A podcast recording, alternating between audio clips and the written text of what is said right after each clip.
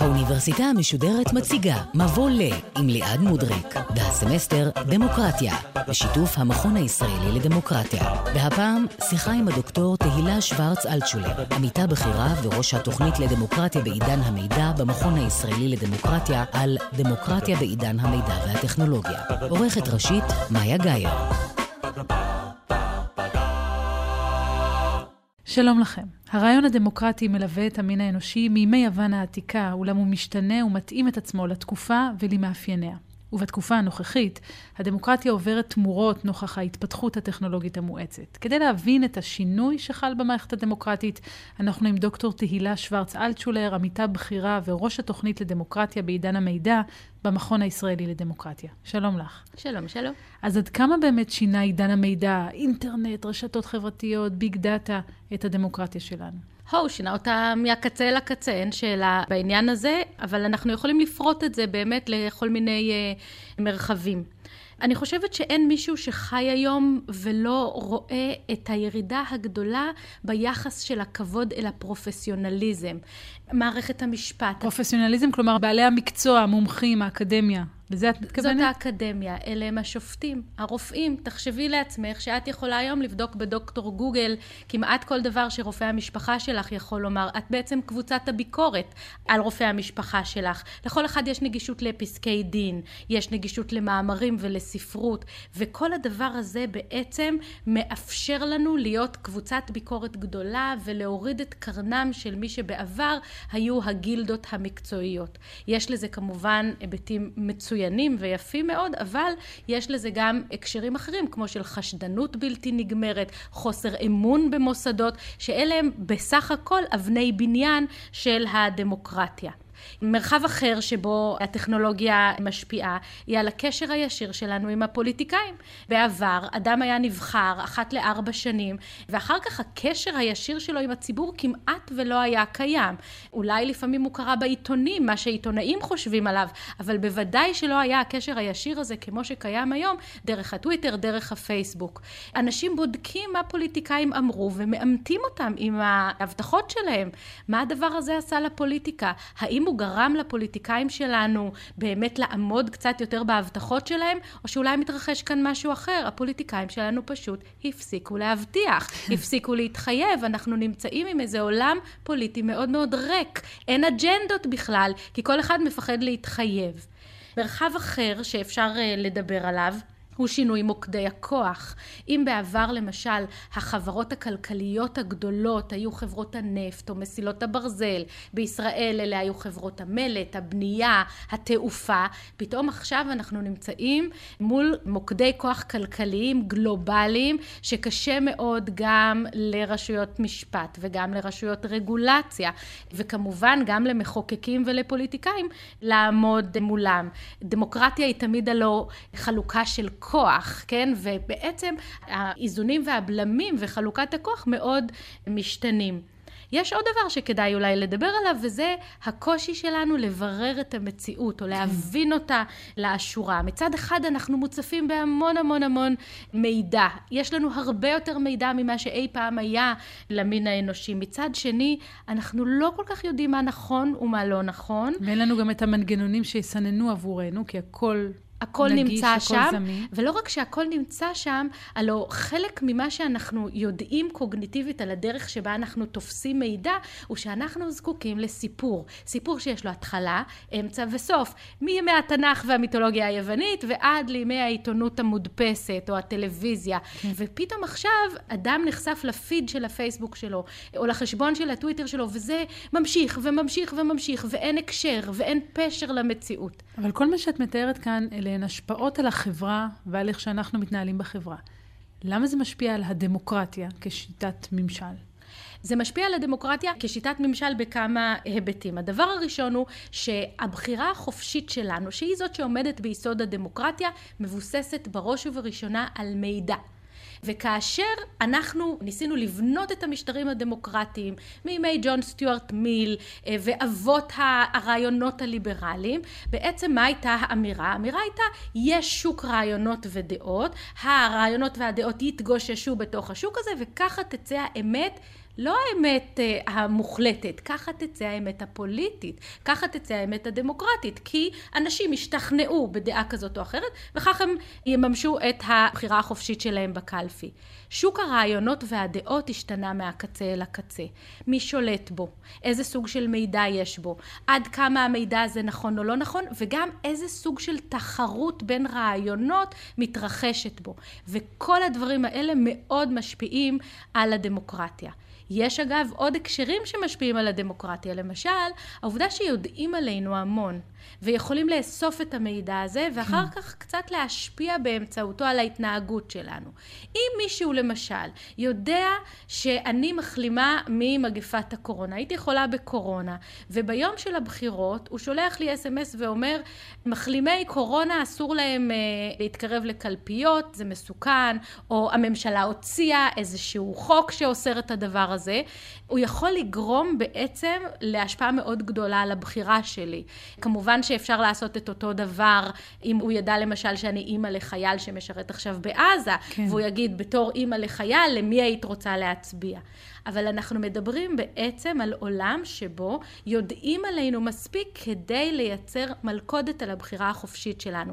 שוב, בחירה חופשית זה היסוד של דמוקרטיה. ואת אומרת יודעים עלינו מספיק. אנחנו שמענו לא מעט בתקופה האחרונה על הנזק של הרשתות החברתיות, שהפכו להיות מנוע מידע להשיג עלינו מידע וגם לתפעל אותנו בדרכים שנוחות להם, בין אם זה בגלל אינטרס או מניע עסקי ובין אם בגלל מניע פוליטי. אז הסכנה של הרשתות החברתיות היא כל כך גדולה? בואי נתחיל בזה שהרשתות החברתיות הביאו איתן המון המון טוב. יש תנועות חברתיות ממחאת הקוטג' בארץ ועד מחאת מיטו חוצת הגבולות והמדינות שהתאפשרו רק בגלל היכולת של אנשים בעצם לתקשר דרך אה, הרשתות החברתיות. יותר מזה, אם בעבר הדרך היחידה שלי להשמיע את הקול שלי בתור אזרחית הייתה פשוט לשבת על הספה ולצעוק מול הטלוויזיה, היום יש לי את האפשרות להתבטא. הצד השני שמתגלה בעצם בעשור האחרון עם הרשתות החברתיות הוא uh, הצד הפחות מעניין שלהם או הצד היותר מפחיד שלהם והוא נובע באמת מכמה דברים. דבר ראשון, כי הרשת החברתית רוצה שאנחנו נהיה שם כמה שיותר, כן. והיא עושה מה שהיא יכולה כדי לייצר התמכרויות. אנחנו מבינים היום שמדובר בהתמכרות, שמה שהצעירים יותר מכנים FOMO, אה, Fear of Missing Out, זה ממש סוג של התמכרות שגורם לנו להיות שם יותר ויותר. גילינו גם במחקרים אה, מהעולם של הפסיכולוגיה את התופעה שנקראת חוסר עכבות מקוון. כלומר, שאנחנו מוכנים להקליד מול אה, מכשיר, לא חשוב אם זה הסמארטפון, האייפד או המחשב שלנו, אנחנו מוכנים להקליד ולהתבטא בצורה שלעולם לא היינו מוכנים להתבטא. להתבטא כשמדובר בשיחה פנים אל פנים. ויחד עם הדברים האלה מגיעות גם המניפולציות והנדסת התודעה. הרשתות החברתיות בעצם מנהלות שני עסקים, וצריך לזכור את זה. בראש ובראשונה הן מנהלות את הבמה לשיח ציבורי ביני לבין העולם, אבל יש להם עסק משני שהוא לא פחות חשוב, כי הוא זה שמביא להם את הכסף. הן אוספות עליי מידע. איפה הייתי? מאיפה צייצתי, מתי צייצתי, מה צייצתי, מה כתבתי, מחקתי ולא פרסמתי. כל הדברים האלה בעצם נאגמים לאגמים גדולים מאוד של מידע, מכונות לומדות יודעות לנתח אותם וכך לייצר בעצם את הפרופיל האישיותי שלי. אנחנו יודעים ממצגות של חברות כמו פייסבוק שדלפו החוצה, שפייסבוק מציעה למפרסמים שלה לטרגט מאפייני אישיות כמו חוסר ביטחון. דיכאון. וכמובן שאנחנו יודעים לזהות דיכאון, אנחנו יודעים לזהות מצב רוח אה, מכל מיני סוגים, נטייה להשתכנע. כלומר, אנחנו לא נמצאים בעולם שבו אוספים עלינו את המידע של מי זו תהילה, בת כמה היא ומה ההשכלה שלה. אנחנו נמצאים בעולם שבו יודעים להגיד מה הנטייה שלי, המינית שלי, אפילו אם אני עדיין בתוך הארון. וזה כבר דבר שהשימוש בו יכול להיות אולי לפעמים לטובתי, אם רכב אוטונומי ידע את כל המידע הזה ויגרום לי לא להתבלבל בנהיגה, כן. אבל יכולים להשתמש בו כדי לייצר מלכודות עליי. אבל השאלה היא, כשאלה מלכודות עסקיות, זה אולי קצת פחות איום לדמוקרטיה, זה סתם מעצבן ולא פייר ולא בסדר. אבל כשאלה מלכודות פוליטיות, אז שם את מזהה את הסכנה, או שגם המלכודת העסקית היא בעייתית? חד משמעית, מה שאנחנו רואים בשנים האחרונות הוא בעצם איזה קפיצת צפרדע. מאותם טכניקות שהשתמשו בהם כדי לגרום לי לקנות מצרכים או לצרוך שירותים, אנחנו עושים את הקפיצה הזאת אל תעמולת הבחירות ואל ניסיונות השכנוע האלה לגבי רעיונות, לגבי ערכים, לגבי השאלה האם בכלל אני יוצאת מהבית כדי לבחור ולגבי השאלה במי אני אבחר. ואת הדבר הזה אפשר לנצל בכל מיני דרכים. מועמדים פוליטיים יכולים לנצל אותו, כל מיני גורמים שיש שיש להם עניין בשינוי השיח הציבורי או בהשפעה על השיח הציבורי גם יכולים לנצל אותו. קחי למשל מדינה זרה שכל המטרה שלה היא לייצר יותר קיטוב סביב חוק הלאום במדינת ישראל. היא בעצם תעבוד דרך הרשת החברתית בשתי דרכים. גם היא תטרגט כל מיני אנשים עם מסרים טיפה יותר קיצוניים ממה שהם התכוונו, וגם היא תמלא את הרשת בחשבונות שחלקם לפעמים מזויפים, אבל ייתנו לי בתור המשתמשת איזו תחושה שכולם חושבים איזושהי אה, מחשבה. והדברים האלה כבר, ההשפעה שלהם על העומק של הדמוקרטיה, על הלכידות החברתית, על האמון שלנו במוסדות, וגם על הבחירה בסוף ביום הבחירות, כאן נמצאת הסכנה הגדולה. והעובדה שאנחנו הופכים להיות קצת יותר מודעים לזה, כי היו סרטים והיו כתבות, ואנחנו שומעים עכשיו את דוקטור תהילה שוורץ אלטשולר ברדיו, זה מקל קצת על הסכנה? זאת אומרת, אנחנו יכולים להתגבר על המניפולציה ברגע שאנחנו יודעים שהיא שם? אני חושבת שמדובר כאן בתהליך, והתהליך שמתרחש הוא תהליך חיובי. אם לפני חמש או שמונה שנים היו מעט אנשים שצעקו את הצעקה הזאת, תיזהרו, משהו פחות מוצלח לדמוקרטיה מתרחש כאן, בתוך עשור אנחנו נמצא את עצמנו באמת עם חברות מפוררות וחוסר אמון במוסדות, אז כמו שאת אומרת, באמת אנחנו נמצאים היום במצב אחר. אולי הספינה קצת שינתה כיוון. אבל בואו נדבר על שלוש דרגות של הבנה. בראש ובראשונה ראשונה, צריך מודעות, צריך סרטים, צריך כתבות, צריך הרצאות. אבל גם אם יש לי את האוריינות הזאת, גם אם יש לי את המודעות, זה עדיין לא אומר שיש לי את החוסן להתמודד עם זה. זה שאני יודעת שיש לי fear of missing out, פומו כזה, זה עדיין לא מאפשר לי להתגבר על ההתמכרות. אז אנחנו צריכים כאן עוד משהו, ולא תמיד אנחנו יודעים או יכולים לעשות את זה לבד, ממש כמו עם סיגריות. היה צורך הרבה פעמים בהתערבות מלמעלה. כן. נכון, זה קצת פטרנליסטי, אבל יש דברים שאנחנו ממש רואים איך חברות גדולות עושות איזה לחץ על פרטים, ואנחנו קוראים למדינה שתבוא לעזור. והמדינה עוזרת? כי למדינה יש אינטרס כפול כאן. כמגנת הדמוקרטיה, היא רוצה להגן עלינו. מההשפעות הזרות האלה, אבל מצד שני, מי שעומד בראש המדינה יכול גם להשתמש בכלים האלה כדי להשפיע עליהם. נכון, ולכן הסיפור הזה הוא באמת כל כך מורכב. אז אפשר לומר שהדרך להתמודד עם החששות מפני הרשתות החברתיות לא עוברת אך ורק בשינוי חוקי תעמולת בחירות. יש הרבה דברים אחרים שאפשר לעשות בדרך. למשל, לשנות ולחדד ולהדק קצת יותר את חוקי הגנת הפרטיות שלנו. אם הרשתות החברתיות לא יוכלו לטרגט אותנו בצורה כזאת, אם הן יהיו חייבות להיות יותר שקופות כלפינו ביחס למה שהן עושות עם המידע הפרטי עלינו, אם נוכל לממש יותר טוב את השליטה שלנו במידע, יכול להיות שאחר כך כשזה יגיע לתעמולת בחירות המצב יהיה יותר נעים. אם למשל הרשות להגנת הצרכן הייתה באה ומוחקת או מענישה כל סוכנות פרסום שמקימה חשבונות מזויפים ברשתות החברתיות כדי לשכנע אותך ואותי כאימהות צעירות לרכוש תחליף חלב אם מאיזשהו סוג. הדבר הזה אגב קיים, לא המצאתי שום דבר. אם היו מטפלים בעניין הזה, יכול להיות שאחר כך היה יותר קשה לפוליטיקאים להקים רשתות של חשבונות מזויפים. והסיבה שלא מטפלים היא כי זה לא נתפס כמעבר על החוק, זה לא נתפס כבעייתי, או כי החוק פשוט מפגר אחרי הקדמה הטכנולוגית. זאת אומרת, הם עדיין לא הספיקו לחוקק את החוקים נגד הבוטים והמשתמשים המזויפים והמניפולציות האלה, או לפעמים אפילו ממש מקרי רמייה שאנחנו רואים ברשתות החברתיות. אני חושבת שהתשובה היא כמובן כפולה. יש באמת חסרים בחקיקה, אבל החסרים הם קטנים.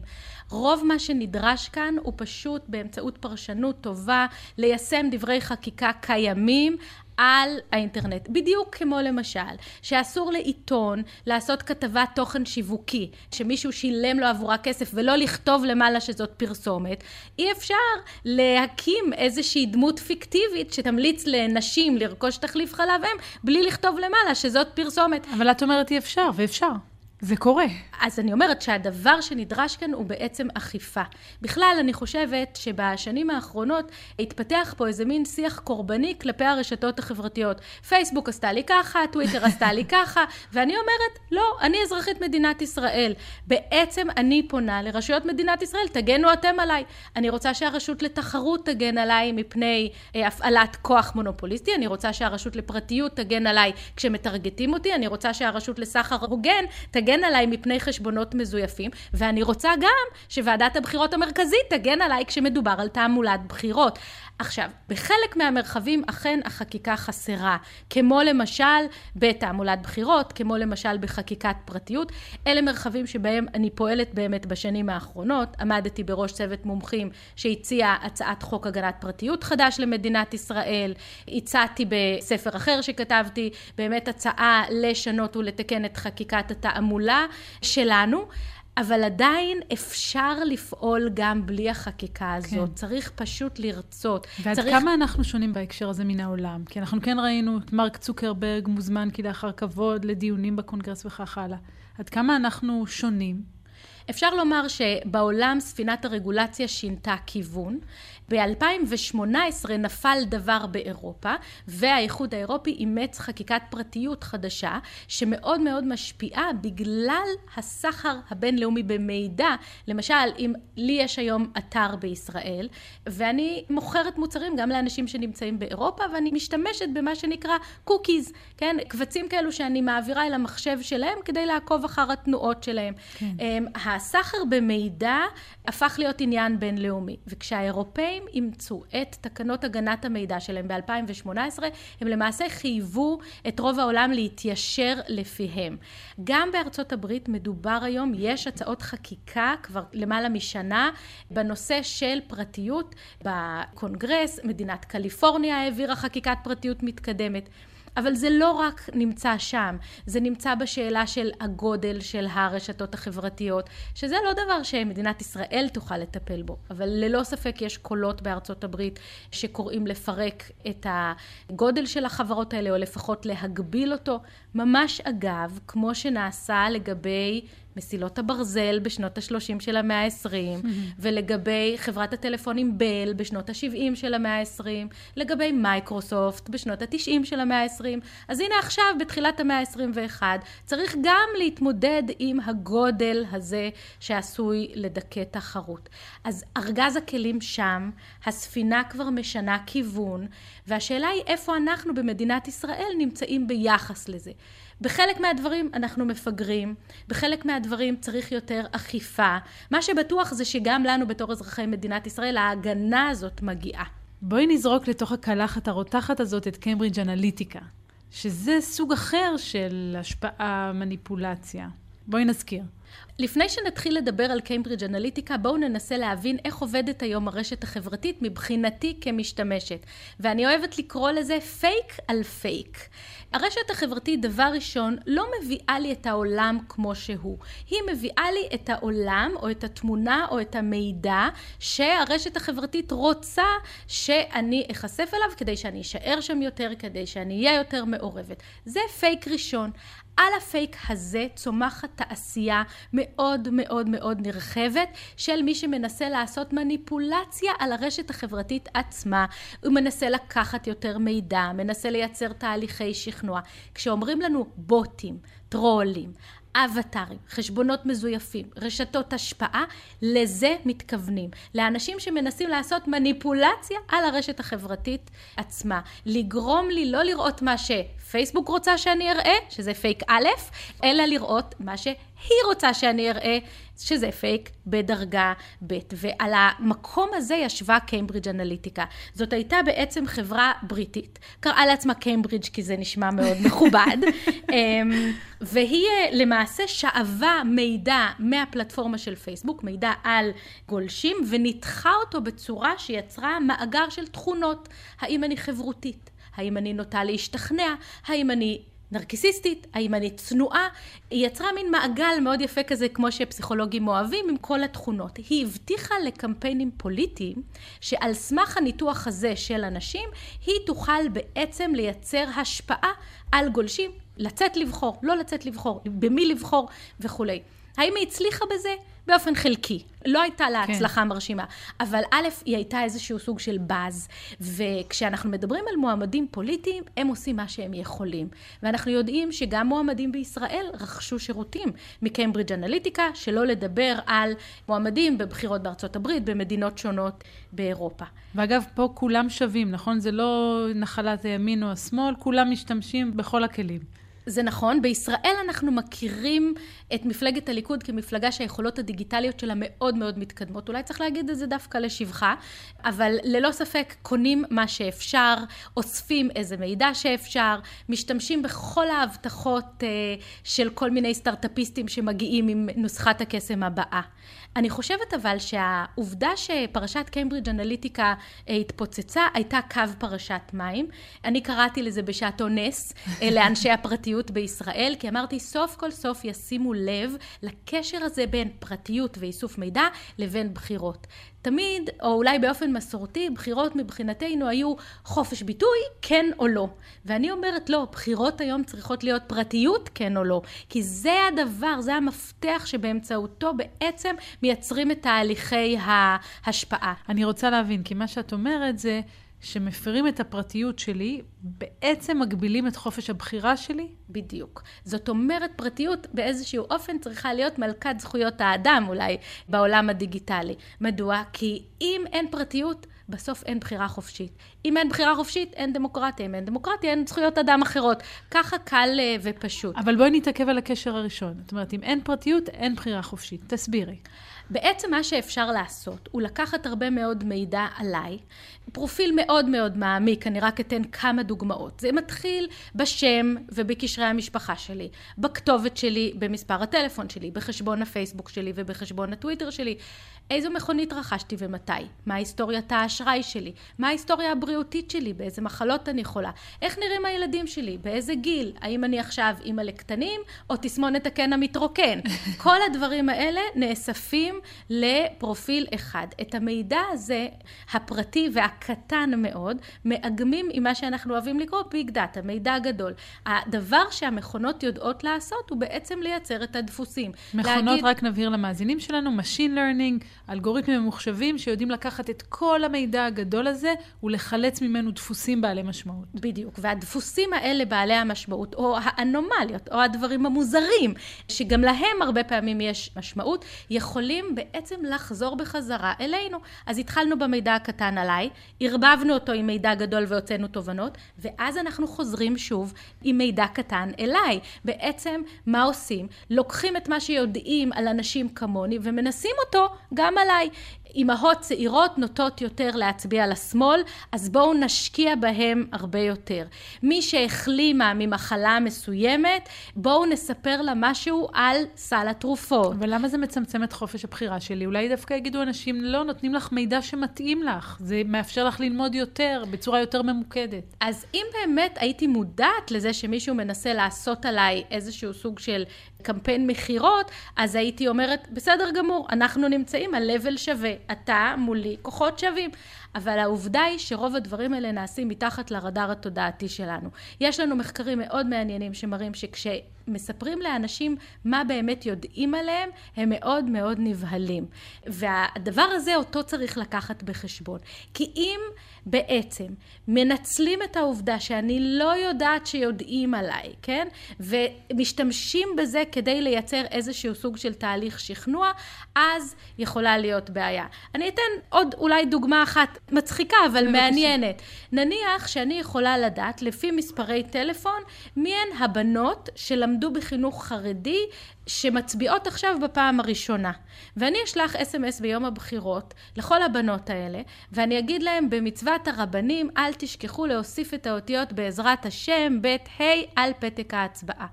דבר כזה כמובן פוסל את פתק ההצבעה שלהם, הם כן. כמובן לא ידעו את זה, הם לא ידעו ששלחתי את זה רק אליהם ולא אל האחים שלהם, או אל האחיות שלהם, או אל ההורים שלהם, וכך יוצרים איזשהו סוג של קמפיין השפעה. אז אם... הופכים אותנו ליצורים יותר נוחים להשפעה. בהחלט, ואפשר לעשות את ההשפעה הזאת באמת בעומק וברוחב שלא הכרנו בהיסטוריה, וזה אולי העניין. בחוק אה, תעמולת הבחירות ב-1959 כתוב שאסור לעשות תעמולת בחירות במיקרופונים, בלפידים אה, ומכלי טיס ומכלי שיט. זאת אומרת, אסור אווירון כזה שעובר בשמיים עם שלט, אסור אה, להשתמש בו לתעמולה. למה? כי ב-59 דבר כזה באמת כנראה נורא הסעיר אנשים. כן. אנחנו צריכים לשאול את עצמנו עצמנו כל הזמן, מהן הדרכים שבהם, או מהן הטכניקות שבהן משתמשים עכשיו ב-2020, 2021, כדי להשפיע על ההחלטות שלנו. עכשיו, צריך לזכור שה...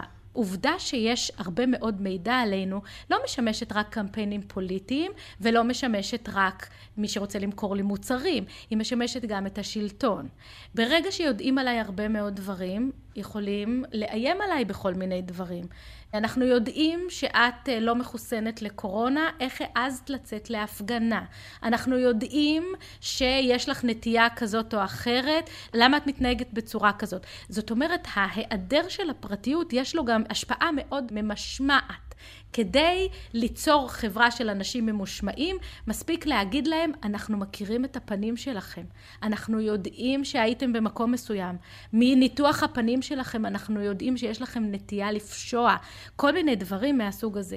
שגם כאן, שוב, את יכולה להגיד לי, למה לא? יש שקט ברחובות. אני סומכת על השלטון, אני בדיוק. סומכת על המדינה, ואת אומרת, לא, המדינה פה היא גורם... המדינה יכולה להיות גורם מסוכן, כי מידע כזה הוא כוח, והוא יכול לשמש למטרות נפלאות, אבל הוא יכול גם ליפול בידי ידיים של עריצים, הוא יכול ליפול בידי ידיים של רשויות חקירה שאין עליהן מגבלות. כל הדברים האלה הם דברים שמאוד מפחידים אותי. אני חושבת על זה שעולם שאין בו פרטיות, מעבר לזה שאין בו בחירה, הוא גם נראה כל הזמן כמו איזה ראיון קבלה מתמיד. את יודעת שכל הזמן מסתכלים עלייך, כל הזמן שופטים אותך, כל הזמן בוחנים אותך. אסור לך לשקר, כי המכונה יודעת שאת משקרת. 1984, לך... גרסת 2020. בדיוק, אז זה פחות מ-1984 ויותר עולם שאין בו יצירתיות, ואין בו חדשנות, ואין בו איזשהו סוג של פריחה כזאת של אנשים שיודעים ש... שמותר להם לעמוד בקרן זווית ואף אחד לא יודע מה הם עושים, טוב, ואיך תראי, הם יכולים לחשוב. רצית להלחיץ אותי, הצלחת. אני בלחץ, אני מבינה את הבעיה, חמור מאוד. מה עושים? אז אמרת קודם לדרוש מהמדינה להגן עליי, לא יודעת אם זה עובד. מה אני עושה? אני חושבת שצריך כאן באמת שני הקשרים. הדבר הראשון הוא להיות מודעים לדבר הזה. אני לא מבקשת מאנשים תקראו את תנאי השימוש של כל האפליקציות שאתם מורידים, כי אני יודעת שזאת גזרה שהציבור לא יכול נכון. לעמוד בה, ובאיזשהו אופן אנשים רציונליים, לא כדאי לכם לבזבז את הזמן על קריאת תנאי השימוש, חכו שמישהו אחד יקרא, יגיש תביעה ייצוגית ויתקנו את זה גם בשבילכם. אבל ההבנה הזאת ש... מסתכלים על הדאטה הזאת, הצריכה הביקורתית של המידע ברשתות החברתיות, מתוך הבנה שיש כאן איזושהי רשת תת-קרקעית. השאלה למי אני נותנת את המידע עליי, השאלה מה אני מבקשת בתמורה למידע הזה. אם מועדון לקוחות מסוים מבקש ממני את השם ואת הטלפון ואת תאריך יום ההולדת שלי, והוא מוכן בתמורה לתת לי הנחה, סימן שהדאטה שלי שווה כסף. אז היכולת הזאת בעצם להתמקח על הדאטה, זה הכל אגד שלם של היכולות שלי לשלוט גם על הדיאטה התרבותית שלי, על התוכן שאני צורכת וגם על המידע שאני נותנת. אבל לא פחות מזה, באמת אנחנו יכולים לבוא בתביעה אל המדינה. וכן, לחץ ציבורי לחוקק חוק פרטיות חדש למדינת ישראל, זה דבר מאוד חשוב. לחץ לחוקק חוקי תעמולת בחירות. נכון, הפוליטיקאים שלנו לא רוצים להגביל את עצמם, אבל רוצה לשמוע משהו? גם שחקני כדורגל לא רוצים להגביל את עצמם, ובכל זאת אנחנו שומרים על כללי משחק. והתביעה האזרחית שלנו צריכה להיות, תייצרו עבורנו כללי משחק שמתייחסים אלינו בצורה הוגנת ומכבדת. אפשר לחשוב על עוד כיוונים. למשל, שחברי הכנסת שלנו יגנו עלינו מפני הרשתות החברתיות. למשל, הם יאמרו, לרשת חברתית חייבת להיות נציגות אנושית בארץ, או בתי משפט שיגידו אפשר לנהל סכסוכים על תוכן ברשתות החברתיות לא רק בקליפורניה אלא גם בתל אביב, כי מי שמשתמש בזה אלה האנשים שנמצאים בתל אביב. כמו שקרה באירופה. בדיוק. אז אמרנו חקיקת פרטיות, אנחנו יכולים לבקש מרשויות רגולטוריות, תגנו עלינו, כן, הרשות לסחר הוגן עד היום לא עשתה שום דבר נגד חשבונות מזויפים בפייסבוק, בבקשה, צאו לדרך, יש לכם את כל הכלים לעשות את זה, אתם ממומנים מכספי המיסים שלנו, כך גם הרשות לתחרות או הרשות לפרטיות. זאת אומרת שהתביעה שלנו צריכה להיות מבתי המשפט, מהמחוקקים ומהרשויות הרגולטוריות, תגנו עלינו, את רוב הכלים יש לכם, את אלה שאין לכם תייצרו, אנחנו נעזור. אני חושבת שבלי הדברים האלה אנחנו פשוט נמצא את עצמנו קצת כמו בשנות ה-80 של המאה ה-20, בטטות מול הטלוויזיה, מתייחסים אליה כאל איזשהו דבר שלא ניתן לשנות אותו. ההיסטוריה הוכיחה שגם חברות גדולות אפשר להגביל. ההיסטוריה הוכיחה שגם תהליכים שנראים לנו מאוד חד צדדיים אפשר להחזיר או לפחות להטות, אבל ההיסטוריה גם לימדה אותנו שצריך להסתכל קדימה. והשאלה... מה את רואה כשאת מסתכלת קדימה? או, אז זה בעצם דבר שאני חושבת מאוד כדאי לדבר עליו. אנחנו נמצאים היום בעולם שהתרחשו בו כמעט תוך 25 או 30 שנה שתי מהפכות. המהפכה הראשונה היא מהפכת האינטרנט, כן. הקישוריות, היכולת שלנו לתקשר, היכולת של מכשירים לתקשר אחד עם השני. אבל המהפכה השנייה שמתרחשת ממש עכשיו, זאת מהפכת הבינה המלאכותית, המכונות הלומדות. כן. אלה שיודעות לעשות סדר ופשר בכל הררי המידע הגדול שמסתובב סביבנו. המכונות האלה הופכות להיות חלק מאוד משמעותי בעולם שלנו. הן קובעות מה נראה ברשת החברתית, הן מניעות את הרכב האוטונומי, הן יכולות בעתיד להיות אלה שיקבעו מי יכול לצאת מגבולות הארץ, מי יקבל שחרור מוקדם מהכלא, איך תראה שומת מס ההכנסה שלך. הבעיה במכונות האלה, הן קצת חושבות כמו אנשים, לא תמיד אפשר לדעת איך הם הגיעו למסקנות שלהם.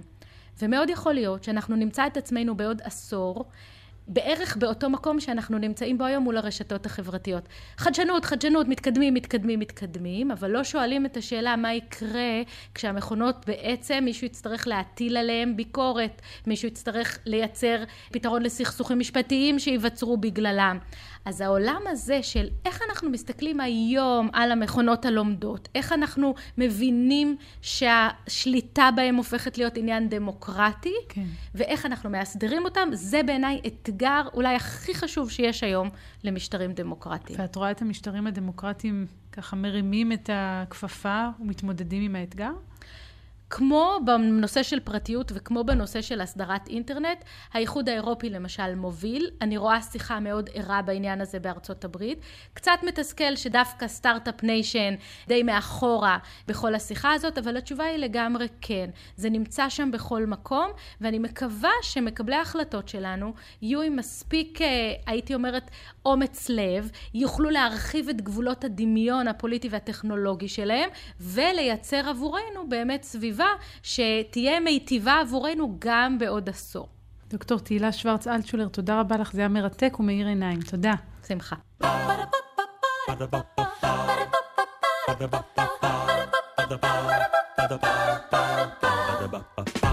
האוניברסיטה המשודרת, מבוא לדמוקרטיה, בשיתוף המכון הישראלי לדמוקרטיה. ליעד מודריק שוחחה עם הדוקטור תהילה שוורץ אלטשולר, עמיתה בכירה וראש התוכנית לדמוקרטיה בעידן המידע במכון הישראלי לדמוקרטיה, על דמוקרטיה בעידן המידע והטכנולוגיה.